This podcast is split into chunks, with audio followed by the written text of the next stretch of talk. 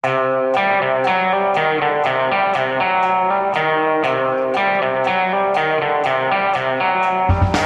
visste jeg at alle dagene som kom og gikk, de var selve uke to. Tidlig uke, men for en nyhetsuke. Flystyrt, eh, Trump for riksrett, eh, koronasmitten sprer seg. Hva har du valgt å være opptatt av denne uka, Thomas? Altså, hva jeg har valgt å være opptatt av? Hva har du vært mest opptatt av denne uka? Hva har vi snakket mest om denne uka på telefonen, Thomas? Hva har vi teksta mest om? Altså, jeg ble veldig opptatt av en kronikk som sto i VG.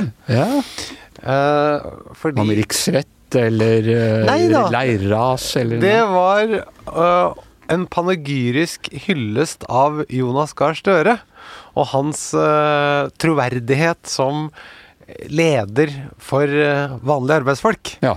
Fra ingen ringere enn Yngve Haagensen. Jeg leste den, og det, det var et svært bilde av Yngve Haagensen, og så sto det noe sånt som Kan Jonas Gahr Støre være leder for vanlige arbeidsfolk? Visst faen kan han det! Ja. Med utropstegn. ja. Da ble du varm om hjertet. Nei, jeg jeg syns det var ganske sånn saftig. Ja. Her har, har Yngve Haagensen uh, trøkka til for å engasjere seg veldig for at uh, Jonas Gahr Støre skal uh, er en god leder for Arbeiderpartiet og for landet. Og så viser det seg at det var jo ikke Yngve Haagensen som hadde skrevet den kronikken. Det var jo Jonas Gahr Støres rådgivere, eh, riktignok da med Yngve Hågensens velsignelse.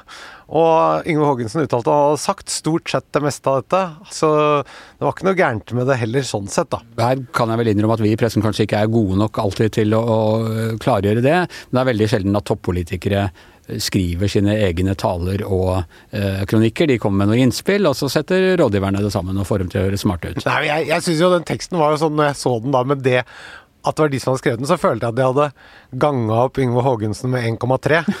Altså, det var jo Da ble det nesten sånn Ja, parodisk 11, liksom. utgave. Det er litt som at nå henter vi inn urkraften, og så er det rekonstruert urkraft. Det er jo contradiction in terms. Sånn at eh, jeg synes, Og så ble jeg så flau av den tanken på at rådgiverne til Jonas da har sittet og skrevet dette her, så har de også på Facebook og sånn, så har de skrevet 'Yngve kan faen meg få sagt det'.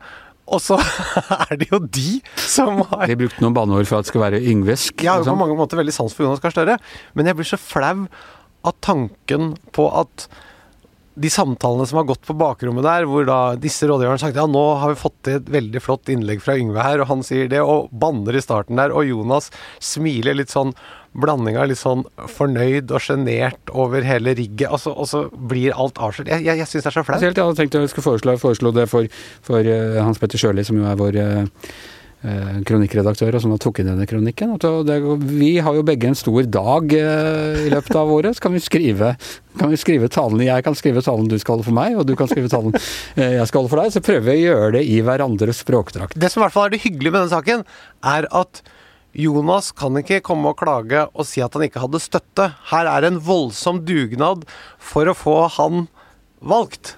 Her har Arbeiderpartiets spinndoktorer de har stilt opp med taleskrivere. Yngve Haagensen har lånt ut trynet sitt. De ringte han. Det er bare å gå og hente. Det henger på en knagg i garasjen. Og VGs politiske avdeling har stilt med spalteplass. Så alle har på en måte gitt en skjerv her. Dette er dugnadsarbeid. Visst faen er det det.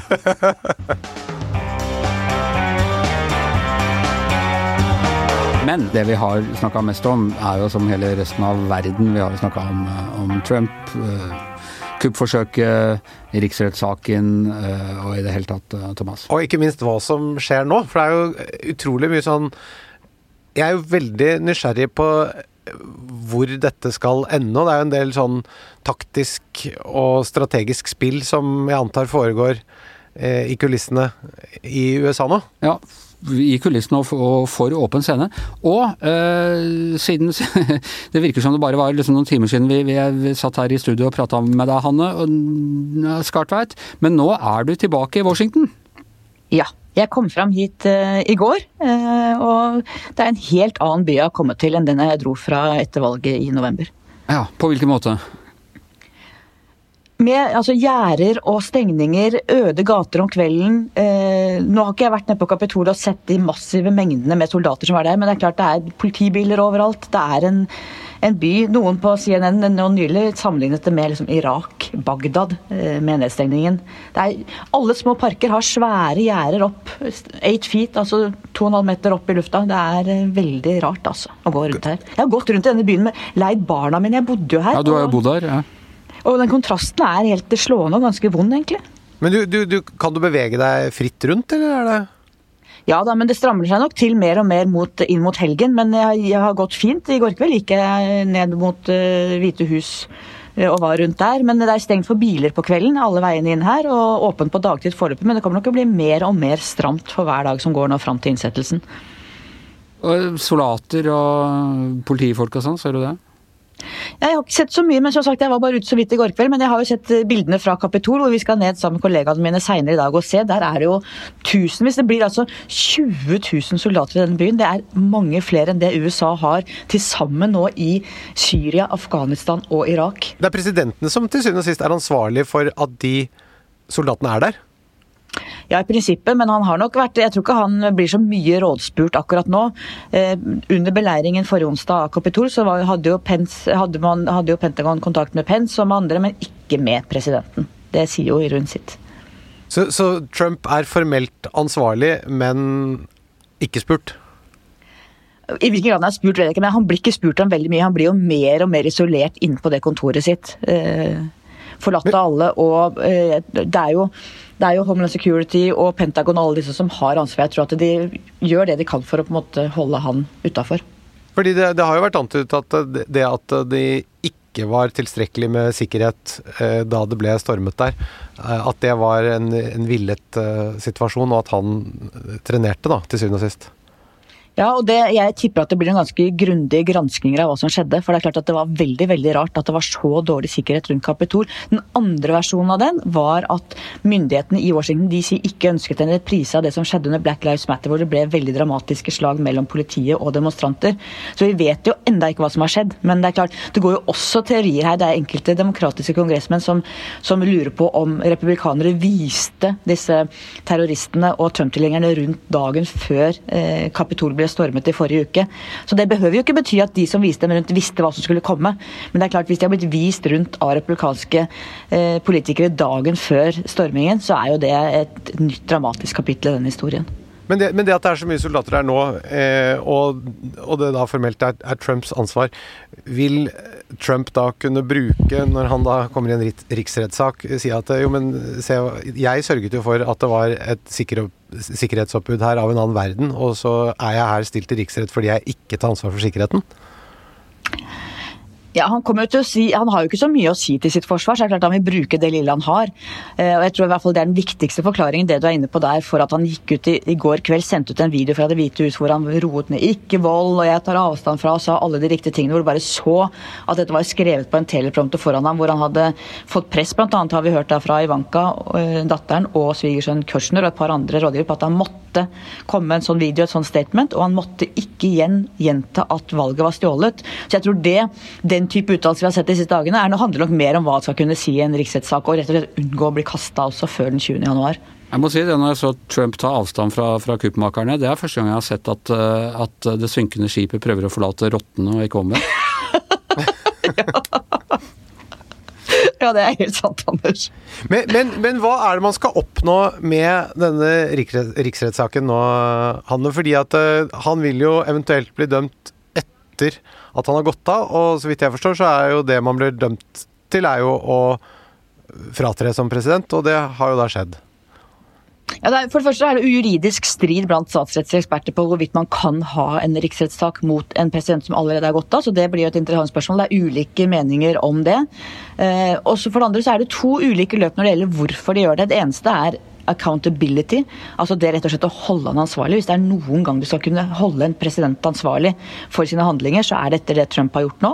Den andre biten av det, som jeg tror kanskje kan motivere noen av republikanerne, er at hvis de får dømt han i Senatet med to tredjedels flertall der, så kan de også bruke det som heter 14. grunnlovstillegg, hvor de da kan fradømme han retten til for all tid å stille til valget igjen. Og det er klart at det vil for en type som Mitch McConnell og de som nå prøver å bli kvitt eh, Trump-tiden, legge den bak seg, så kan det være en viktig motivasjon at de faktisk, hvis han lurer i buskene og sier jeg kan kanskje stille i 2024, så har republikanske partiet et enda større problem enn det de har allerede. Men Hanne, det var ti stykker i, i, Representantenes hus, eh, og det er mye i forhold til den lojaliteten. Men det er, det er jo tross alt ganske lite. Tror du det er noen som helst sjanse for ja, Nå var det bare Mitt, eh, Mitt, Romney som stemte for, eh, for å felle ham forrige gang. La oss si at han får med seg fire til, men de må jo mye mer til for å, å felle ham. Tror du det er noen sjanse for det i det hele tatt? Er det noe som tyder på det? Nå har det kommet rapporter om at en del kongressrepresentanter ikke våget å stemme for impeachment av frykt for sitt eget liv. Eh, fordi at de frykter rett og slett eh, Trump-mobben. Det er klart, er det noe, Tror du ikke de er like redde nå? Jeg tror ikke det er noe mindre straff fra Trump-mobben denne gangen enn det var forrige gang? Nei, men det er jo noe med, med, tallenes mengde. og det er klart det at Mitch McConnell har sagt at han ikke er sikker på hva han skal stemme. Han er jo rasende, bl.a. fordi de tapte de to senatsvalgene i Georgia, som gjør at eh, de mister flertallet i Senatet, og Mitch McConnell mister posisjonen som, som leder av eh, Senatet. Eh, det er klart Hvis han går inn for det, så vil veldig mange følge han. og hvis det, Jo flere som gjør det, det vet vi jo fra mange sånne trusselsituasjoner, jo flere som gjør det, jo tryggere blir det å gjøre det. Um, og jeg, jeg, jeg, er åpen for faktisk, Anders at, og Thomas, at det kanskje kan ende med at, at han kan bli felt i Salatet. Jeg vet ikke, jeg tror i hvert fall mer på det nå. Jeg tror det er mer sannsynlig nå enn jeg trodde for en uke siden. Men, men det er jo litt sånn interessant, for mitt inntrykk er jo at det er både da republikanere som er kine på å bli kvitt den, og så er det jo alle på demokratisk side selvfølgelig som vil, vil ta han. Men er det ikke da lurt strategisk å velge en vei og en måte som gjør at man er sikre på å vinne? Og hvis man da går for en riksrettssak som man både er tvil om grunnlaget for i det hele tatt er en sak. Så det er liksom veldig mange punkter som må avklares. Det å gå inn i sånne kamper med han, da blir det mye kverulering og mye støy, og den som har en tendens til å vinne på sånne typer løp, er jo han. Og Det er jo hele dilemmaet. Det ser vi Joe Biden var jo ganske lenge lunken til det hele. Nå har han tatt kontakt med Mitch McConnell og bedt om at de kan i så fall dele dagene, så de bruker halve dagen etter at han ble innsatt 20.1 på, på riksrettssaken, og halve dagen på godkjennelse av kandidater og lovforslag og alle disse tingene. Men jeg opplever jo når jeg ser en del eh, demokratiske representanter, for dem er det et samvittighetsspørsmål. De sier hvis ikke man skal holde en mann, en president, ansvarlig etter det han har gjort og det, etter det som skjedde, Husk, de satt altså i kontorene frykta for livene sine. Det kom altså en fyr inn med disse plaststrippene. Dette kunne utarta seg mye verre. De kunne tatt representanter til fange, gisselsituasjoner, dra, drap, direktesendt på video. Perspektivene på hva som kunne skjedd den onsdagen, er jo helt forferdelig. Det å ikke holde en mann ansvarlig for det som skjedde da, tror jeg de opplever som rett og slett at da svikter de sin forpliktelse som folkevalgte. Det, det, skjønner jeg, men jeg tenker jo at med det som utgangspunkt, hvis man ser sånn på det, så må det jo være bare én ting som er verre enn å ikke få tatt det, og det er at han kommer tilbake igjen. Og da må man jo tenke strategisk på det, da, og si at eh, vel, er dette måten å bli kvitt ham på. Det er klart at Hvis man allierer seg med eh, republikanere som vil ta han og bli kvitt han, og vil ha hans posisjon som eh, republikansk kandidat, eh, så, så, er det klart at da, da er det jo en større sjanse. Men da må man jo hva skal vi si for noe, koordinere uh, og, og, reach out across the aisle. Da. da må jo republikanere og demokrater synkronisere seg litt. Er, er det en, kan det skje, tror du? Altså Mitch McConnell og Joe Biden går tilbake 40 år i tid. De har egentlig hatt et veldig godt forhold. Så jeg tror nok at, eh, at det vil være noen underholdende kontakter der. Det er klart det er et kjempegamble for demokratene, dette her. Fordi at de trenger jo, særlig Biden-administrasjonen, trenger jo å prøve nettopp å reach across the aisle og bygge med republikanerne. Hvis det blir en helt splitt, hvis ingen republikanere kommer over på impeachment-siden, så gjør det det mye vanskeligere for Biden å samarbeide med republikanerne framover. Samtidig som, og grunnen til at Biden tror jeg var såpass lunken som han var, er at det er klart det betyr at hvis vi skal gjøre dette rett etter hans innsettelse, så vil jo all fokus igjen handle om Donald Trump, ikke om Bidens kamp mot koronaen, for økonomien, alle de store tingene han skal sette i verk. Så det er jo, det er jo en umulig situasjon. Eh, men jeg så en historiker som sa, ble spurt om det eh, vil ikke dette føre til enda mer splittelse i USA. Og hun svarte at det kan ikke bli mer splitta enn det er nå. Tvert om så kan en riksrettssak føre til at man faktisk får plassert dette er mannen som har ansvaret, nå kan vi gå videre. Det har vært mer splittelse. Jeg har hatt en borgerkrig, så det går jo an, det òg. Ja, I nyere tid, da. Så hørte jeg også eh, nå eh, Det var jo en riksrettssak mot eh, president Adam Johnson etter borgerrettskrigen. og Da var det Ulysses Grant som ble valgt til ny president. Og hans valgkampslogan var jo 'Let us have peace'. Og det er jo litt tilsvarende det Joe Biden nå går på, hvor han skal samle og på en måte la oss samles igjen. Det er en tilsvarende splittelse man skal bygge landet etter. Selv om det ikke har vært borgerkrig her nå, så er det jo veldig dypt splitta. Og det jeg syns det var ganske interessant. Let us have peace. Jeg tror det er det Biden nå må jobbe for. det er bare så synd at Biden ikke kommer til ordet. ja, det er jo Han har jo et, åpenbart et flott budskap, men Please det... let us have peace! Det, du, eh, vi snakker med Trump her. Det er som den første debatten. Den ja. første debatten vi hadde hvor Trump bare fortsatte å rante, og Biden fikk ikke sagt noe som helst. Men han vant jo bare på det, da. Ja ja, det gjorde han jo. Men, men her, er det jo, her er det jo en annen battle i forgrunnen. Og når han, Biden i tillegg har det tjukke munnbindet sitt, så blir det vanskelig å høre hva han sier, da. Og prater litt sånn lavt fordi han er litt sånn eh, eldre mann. Men hva tror du, eh, Hanne, nå? Altså, eh, det mest interessante egentlig nå er jo da nettopp eh, republikanernes rolle. Og du sa Mitch McConnell, som jo har vært veldig lojal mot Trump, og, og, er en såpass stor kyniker at han har sett hva han har klart å få ut av det eh, politisk. Men Altså, Noen ønsker seg Trumps velgere, selvfølgelig. Det er 70 øh, millioner pluss uh, up for grabs.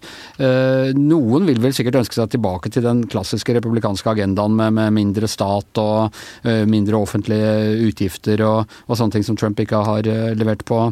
I det hele tatt. Noen er moderate og vil samarbeide med, med demokratene. Hvordan tror du maktkampen vil utspille seg her? Eh, jeg tror det blir lettere for dem hvis man faktisk får en fellende dom mot Trump og får vedtatt dette 14. grunnlovstillegget om at han ikke kan stille til valg igjen. Men uansett så er republikanske parti i så dypt trøbbel, og de er så splitta.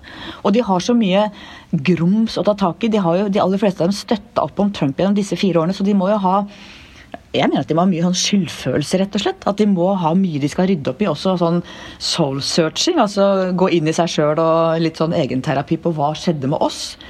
Um, og hvilken vei de går, det er, det det, for det forutsetter jo en viss, eller en type moralsk standard, da. At man mm. gjør den type selvgransking. Og det, det, lurer jeg litt på, fordi at når jeg leser norske aviser, så får jeg inntrykk av at det litt sånn At det ligger litt under at egentlig er det ingen som støtter Trump. Men hvor stor del av det republikanske partiet, sånn seriøse politikere, tror du støtter Trump fortsatt? Det kommer an på hva du legger i støtte Trump. for det er klart at Veldig mange av dem har jo støttet Trump ut fra taktiske grunner for at han har så stor velgerbase. Og så har du noen få last man standing som fortsatt forsvarer at eller fortsatt hevder at valget var stjålet. Om de tror på det eller ikke, er jo et godt spørsmål. Men hvor mange av politikerne, altså Mitch McConnell og disse kynikerne jeg tror For veldig mange av de republikanske politikerne så tror jeg det har vært ren kynisme at de ser at det lønner seg politisk. Blant velgerne så tror jeg faktisk at det er en skremmende andel som fortsatt tror på han og støtter han. Det viser jo meningsmålinger òg. Jeg klarte jo ikke å la være å gå inn onsdag kveld og se litt på den der debatten eh, ennå jeg hadde lovet meg selv at jeg ikke skulle gjøre det fordi jeg begynner å bli litt sånn Trump-overhetet i hodet. Men så på, på debatten i, i Representantenes hus, og der står de jo opp og snakker om at ja, da, da eh, Robert De Niro sa han ville gi Trump en på tygga, da sa de ingenting. Og da Madonna ville brenne huset hans, da sa de ingenting. Og liksom, det var rett før de begynte å dra det der diktet til han der professor Niemøller, ikke. Hvilket dikt er det? Det er det diktet om at da de tok fagforeningsfolkene, så sa jeg ingenting, eh, for jeg var ikke fagforeningsmann. Og da de tok, eh, mens til slutt, eh, og da de tok jødene, sa jeg ingenting. Og så til slutt tok de meg, og da kunne ingen si noe, for da var det ingen igjen. De var omtrent der. ikke sant? Um, og, og, så Jeg har ikke inntrykk av at det har liksom sunket veldig veldig dypt inn i at vi har dårlig samvittighet og, og sånn. Det er mer sånn hvordan kan vi sleipe meg unna den der litt upopulære stanken som nå plutselig følger med Trump. Mm. Ja, da så har du noen som Liz Cheney, som jo stilte seg i spissen for de som eh, stemte Dattera for til impeachment. Dick. Datteren til, ja. Og hun er jo blant de mer konservative på den konservative liberale linja. Hun er dypt konservativ politiker. Eh, Men eh, Trump var eh, called out, altså nevnte jo hennes navn og satte henne i direkte livsfare. Så hennes far, Dick Cheney, ringte henne jo når hun sto i, i omkledningsrommet på, i Kongressen før de skulle inn og sa at eh, Trump har faktisk nevnt ditt navn, du er i fare. ikke sant? Eh, og For henne så er det nok en sånn samvittighetsspørsmål. En del av de, som de ti som har stått fram nå, så tror jeg det er langt flere av de som da ikke har våget og nærmest med tårer i øynene har fortalt folk at de tør ikke å stemme, som også opplever den samvittighetskonflikten. Men det er klart det er mange kynikere i det partiet. Men, men du nevnte også at, eh, at barna hans har presset han nå eh, for å holde den talen, blant annet. Er det et uttrykk for at de er på et annet sted enn han? Ja, det tror jeg. jeg tror det er veldig få som er på hans sted. Jeg tror de stakkarene som nå De fortelles også fra Det hvite huset at nå prøv, Mens det tidligere har vært sånn at du vil gjerne være inne på kontoret til presidenten i det ovale kontor, så prøver folk mest mulig grad å bare holde seg unna. For han sitter jo og ranter og skjeller ut og er helt forferdelig. Og jeg ser jo for meg sånne familieråd hvor de sitter hva skal vi gjøre med far og svigerfar. Gud, han er jo Vi må prøve Han vil i hvert fall prøve å få han til å holde en tale for, på video. Vi må prøve å få han til ikke å nevne steal the election. ikke sant? Altså, jeg, jeg tror de lenge har hatt en sånn problempappa som de har prøvd å få litt på plass. Og det sies jo også at de, hadde, de har en svær leilighet på Manhattan, i Ivanka og Yashar Kutcher, men det sies at de kommer ikke til å flytte tilbake dit. De skjønner at alle deres Manhattan-venner har vendt dem ryggen. De må til Florida. Nå er pappa løs i slåbroken igjen og står og skjeller ut naboen. Nå må vi bare, må vi bare få han inn. Men du, eh, Hanne. Eh, det er jo også eh, USA veldig sterkt rammet av covid. Det har jo Trump helt sluppet på slutten, og det er som du sier noe av det Biden skal ta først og fremst eh, skal ta tak i. Kombinert med da terrorfrykt. Hvordan blir denne innsettelsen rent uh, fysisk? Hvor skal du være, f.eks.? Eh, Det har vi ikke helt bestemt ennå. Vi skal ha et sånt sikkerhetsmøte med våre sikkerhetsansvarlige i VG i morgen. Eh, så det veit jeg ikke helt. Eh, men det er klart at det er, blir en helt annen innsettelse. Det pleier å være en folkefest ikke sant? hvor de setter opp ekstra T-baner inn til byen. Folk kommer, samler seg, jubler. Eh, stor glede. Det er jo fullt nedover hele målen med liksom forskjellige sånne de avsondra så folk ikke skal klemme sammen. ikke sant? Flere eh, passasjer hvor man kan stå og juble. Fullt på den settingen der oppe. Det pleier å være en gledens dag. Det blir det ikke nå. Det blir mye strammere, mye mer vakthold. Mye mer stengt, mye færre mennesker. De oppfordrer nå folk til ikke å komme til Washington DC for å feire den nye presidenten. Så blir det en veldig annerledes innsettelse enn det vi er vant til. Men blir det, blir, kommer det til å være folk der? Blir det Det blir jo vel færre også oppå den eh, plattingen hvor de står, og langt færre om det blir noen i det hele tatt. Det vet jeg ikke hvordan de har tenkt å gjøre det. Det må jo være noen som kommer inn, men eh, eh, Nei, det er et godt spørsmål. Det som er helt sikkert, er at et Zoom-møte er ganske mye slappere enn den folkefesten der. Veldig mye slappere. Men da blir det, altså hvis vi skal se positivt på det, så blir det, var jo veldig mye krangel om hvor mange som hadde vært til stede under innsettelsen av Trump. Han var jo ikke fornøyd med de tallene som kom inn.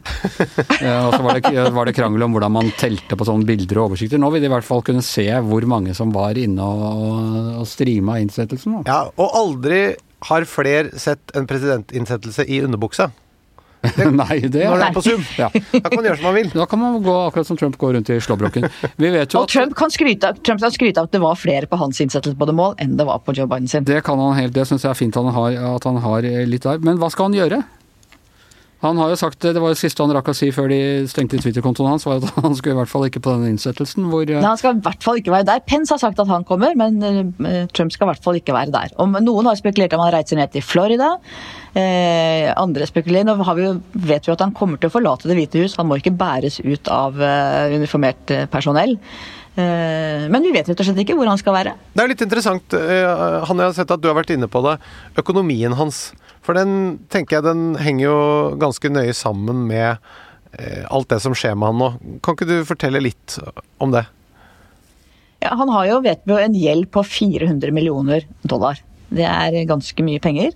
Eh, Det, mye av det er i Deutsche Bank, som har vært en bankforbindelse som har vært lojal med han gjennom alt dette. De sier nå at de ønsker ikke mer samarbeid med han. Hva, Eh, hva store- innebærer det? At de, at, de, at de forfaller til betaling, de lånene, eller? Om det forfaller det lånet, eller om de bare lar det løpe ut, det vet jeg ikke. Eh, Men de vil, i hvert fall ikke, de vil ikke lenger bidra til å finansiere han og være hans eh, bankforbindelse. Eh, og store golfturneringer som har bestilt plass på hans eh, svære anlegg, har eh, avlyst det, så han mister kunder. Ah, no platforming. No platforming, ikke sant? I golfens og, har jo- og veldig mange samarbeidspartnere ønsker ikke lenger ha noe med han å gjøre. Flere av hotellene hans ligger jo på statlig grunn her i Washington DC.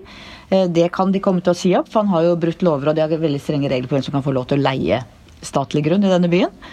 Um, Det viser seg at en del av advokatene de advokatene han brukte sist under impeachment, vil antagelig ikke representere ham. Han har alle forbindelser, store firmaer ønsker ikke han ha noe med han å gjøre. eh, Og selskaper som også ikke lenger ønsker å støtte republikanerne så lenge de har noe med Trump å gjøre. Dette er økonomisk helt katastrofe for han. Også hans liv etter presidenttiden ser ut til å bli veldig trøblete, i tillegg til de rettssakene han skal på, møte møte andre saker på Manhattan. Nå har han til og med nektet å, å, å, å betale regningen til Guliani. Jeg så at han var misfornøyd med han også nå. Hvem er det som betaler bikkja si? Det, det er jo veldig uvanlig å drive med. Men, men eh, du nevnte den gjelden. Fins det noe fornuftig anslag på, på verdier den er knyttet opp mot, da? Nei, det er veldig uoversiktlig. Man vet jo heller ikke, for det er et mysterium hvor En ting er Deutsche Bank, men man vet jo ikke hvor mye han skylder hvor. Og noen har jo så spekulert om han faktisk har noen slags forpliktelse til Russland, eller om det kan forklare noe av hans eh, veldig slappe holdning overfor Russland gjennom den tiden. Det er ikke så gjennomsiktig. Han har jo nektet å oppgi skattepapirene sine. Det har vært noen del lekkasjer i eh, New York Times bl.a. Men vi vet ikke nok om det, rett og slett. Men det betyr at veldig mye av hans tid nå etterpå kommer til å gå med til å forsvare seg og rydde opp i både forsvare seg mot formelle, altså både rettssaker og i, i rettssaker osv., men også da mot, eh, mot eh, å rydde opp i forbindelser og prøve å skaffe seg noen allianser og sånn. Sånn at eh, noe sånn veldig overskudd til å drive egen kampanje kan jo ikke være, i hvert fall ikke sånn med det første, da. Ja, det er the good news, da.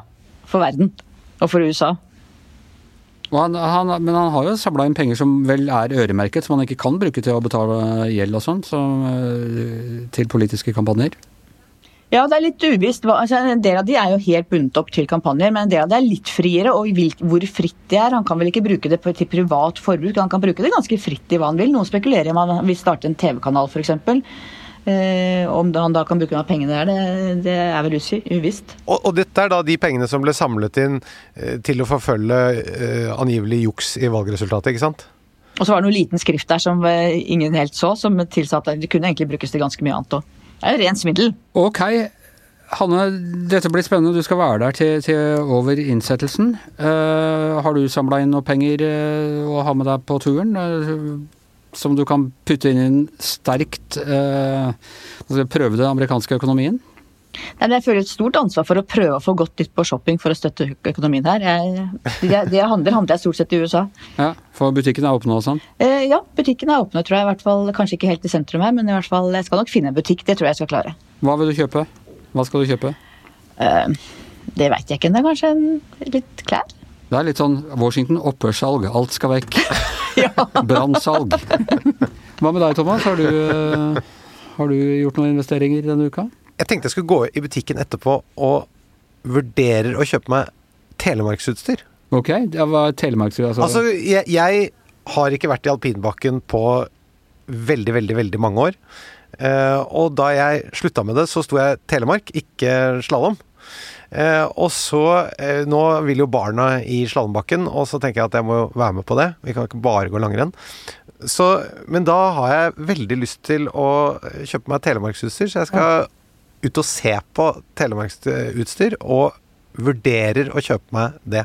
Spennende. Skal du ta den helt ut og stille telemarksbunad òg? du- Nei, telemarksski og støvler er nå helt annerledes enn da jeg sto med det, for det er veldig, veldig veldig lenge siden. Ja. Du da, Anders, har du kjøpt noe? Jeg skal love deg at jeg har kjøpt noe. Eh, Jeg har kjøpt eh, sånn tredemølle på en av de store sportskjedene. Oi! Og den ble levert eh, i dag. Og nå har jeg gitt opp. Jeg har vært Altså, i fjor en gang så meldte jeg meg inn hva for omtrent et år siden på en av disse her treningssenterkjedene. Og der fikk jeg vært en, en snau måned, tror jeg, før de begynte å stenge ned og, og sånn. Og jeg har liksom tenkt jeg skulle putte penger inn i økonomien, det er for ille for dem. Og, så jeg har drevet og betalt hele veien, men nå gidder jeg ikke mer. Nå har jeg kjøpt min egen tredemølle til å, til å ha i kjelleren.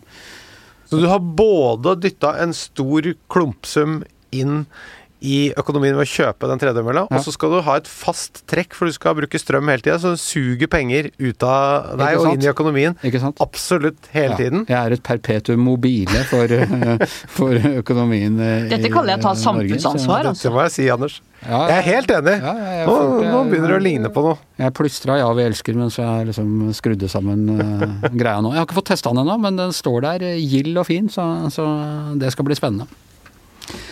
Eh, og med det så tror jeg vi sier at uh, Giæver og Gjertsen er over eh, for i dag. Eh, tusen takk til Hanne. Ta, vær forsiktig der, eh, Hanne. Ja.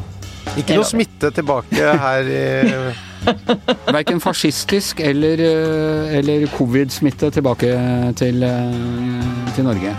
Nei, vi går med masker og antibac, og vi holder på hele tida. Og skuddsikre vester. Og skuddsikre vester. Tusen takk til Thomas Giertsen. Jeg heter Anders Giæver og har Magne Antonsen som vanlig vært produsent. Ja visst faen har han det.